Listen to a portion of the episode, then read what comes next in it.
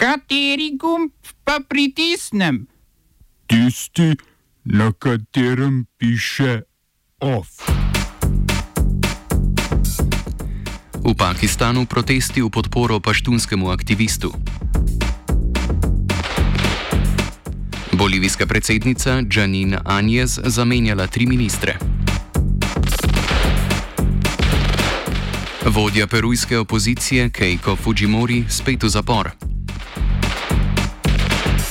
Bolgarska vlada preživela glasovanje o nezaupnici. V kulturnih novicah pa koncertni performance in projekcija zgodnjih del Mihe Vipotnika.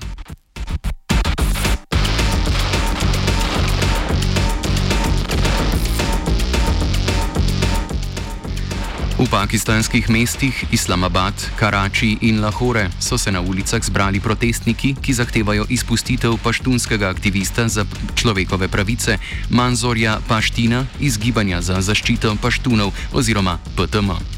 V ponedeljek so ga oblasti aretirale in ga obtožile za rote ter pozivajo k uporu v govoru, oziroma ga e, obtožujejo za rote in pa seveda pozivanja k uporu v govoru, ki ga je imel na shodu gibanja.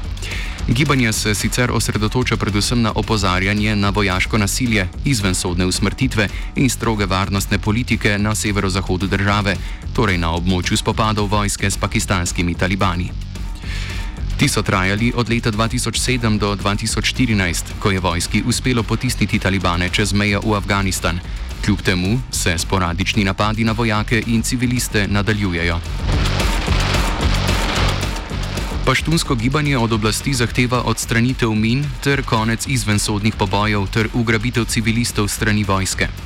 Na protestih v prestolnici Islamabad so oblasti aretirale člana gibanja in poslanca v spodnjem domu parlamenta Moksina Davarja in 24 drugih protestnikov. Člani gibanja so bili v preteklosti že večkrat zaprti brez utemeljenega suma, Pred slabim letom je pakistanska vojska sicer izjavila, da gibanje financirajo indijske in afganistanske obveščevalne agencije in da se njegov čas izteka.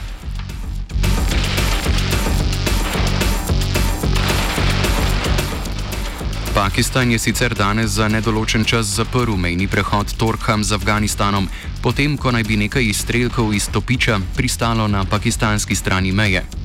Medtem ko Pakistan za izstrelke dolži Afganistan, ta odgovornost zanika in meni, da je verjetno streljal kar Pakistan sam, da bi dobil izgovor za zaprtje meje, k čemur naj bi se zatekel že večkrat v preteklosti. Mejni prehod so pakistanske oblasti sicer odprle septembra lani, da bi povečale trgovanje.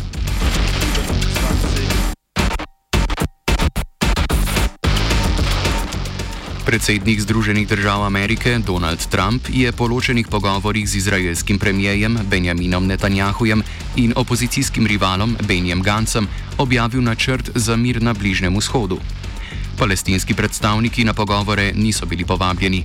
Palestinski predsednik Mahmud Abbas je že povedal, da bo palestinsko ljudstvo načrt, citiramo, poslalo na smetišče zgodovine.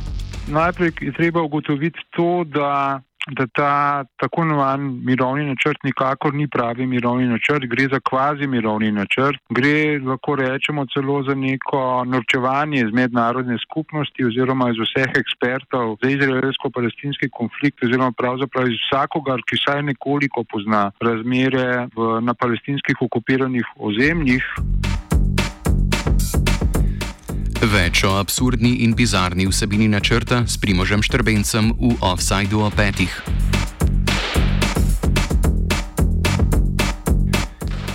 Bolivijska desna predsednica de facto Janin Anjes je na novo sestavila vlado, v kateri je zamenjala tri ministre. Prejšnji teden je namreč napovedala kandidaturo na majskih predsedniških volitvah, čeprav je ob nastopu funkcije obljubila, da tega ne bo storila. To je sprožilo odstop ministrice za komunikacije Roksane Lizarage, ki je njeno odločitev označila za izdajstvo. Poleg nje je zamenjala še ministra za ruralni razvoj in izobraževanje. Spomnimo, Anjes je oblast prevzela v vojaškem državnem udaru, v katerem je moral iz države pobegniti na volitvah izvoljeni predsednik Evo Morales iz stranke Gibanja za socializem.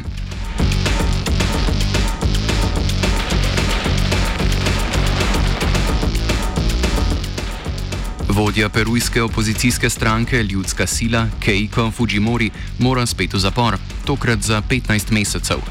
Kot je odločilo sodišče, bo tam čakala na začetek sodnega procesa v zvezi z obtožbami korupcije. Fujimori je v zaporu preživela že 13 mesecev, potem ko je ustavno sodišče novembra lani zahtevalo njeno izpustitev, a so se toživci na njegovo odločitev pritožili. Sodišče je pritožbi ugodilo, saj bi lahko v nasprotnem primeru obtoženka vplivala na korupcijsko preiskavo.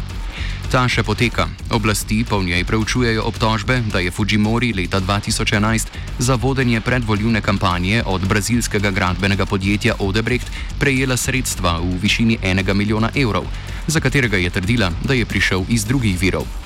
Odebrecht je že priznal, da je podkupil številne politike v Latinski Ameriki.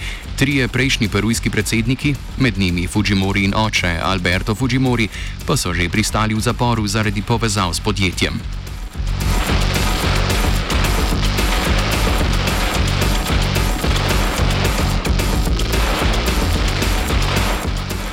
V Etiopiji je na ulice prišlo več deset tisoč protestnikov, ki menijo, da vlada premijeja Abija Ahmeda ni naredila dovolj, da bi rešila 27 ugrabljenih študentk in študentov z univerze Denvidolo v regiji Oromija, ki so pogrešani že dva meseca.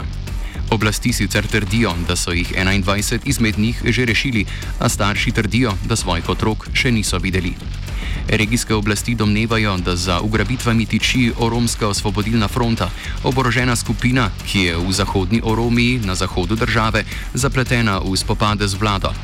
Skupina sicer sume zavrača in trdi, da gre za vladno propagando kampanjo proti njej.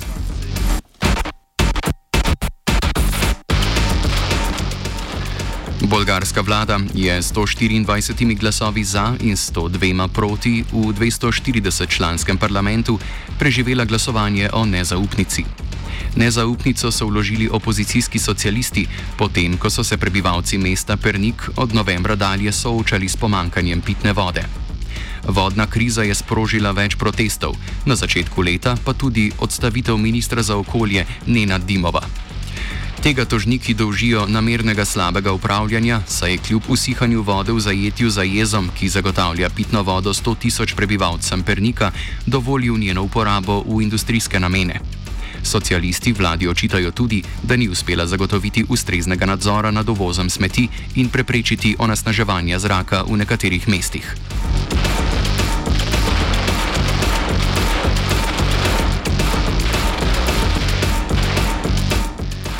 Parizu so izbruhnili spopadi med policijo in protestniškimi gasilci. Ti zahtevajo boljše pogoje dela in dvig bonusa za tveganje pri delu, ki je ostal nespremenjen od leta 1990 z 19 na 25 odstotkov plače. V odgovor na proteste je ministr za notranje zadeve že obljubil dvig bonusa, sindikati pa so nadaljne proteste preklicali.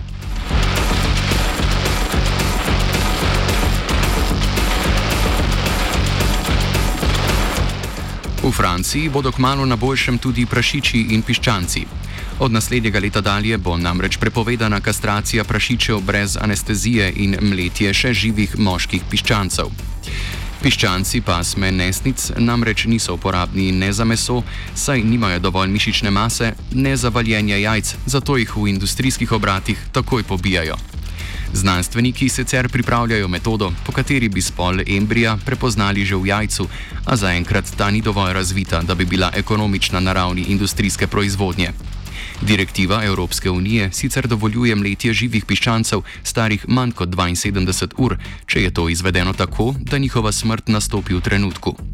Po svetu je sicer letno ubitih 7 milijard piščancev.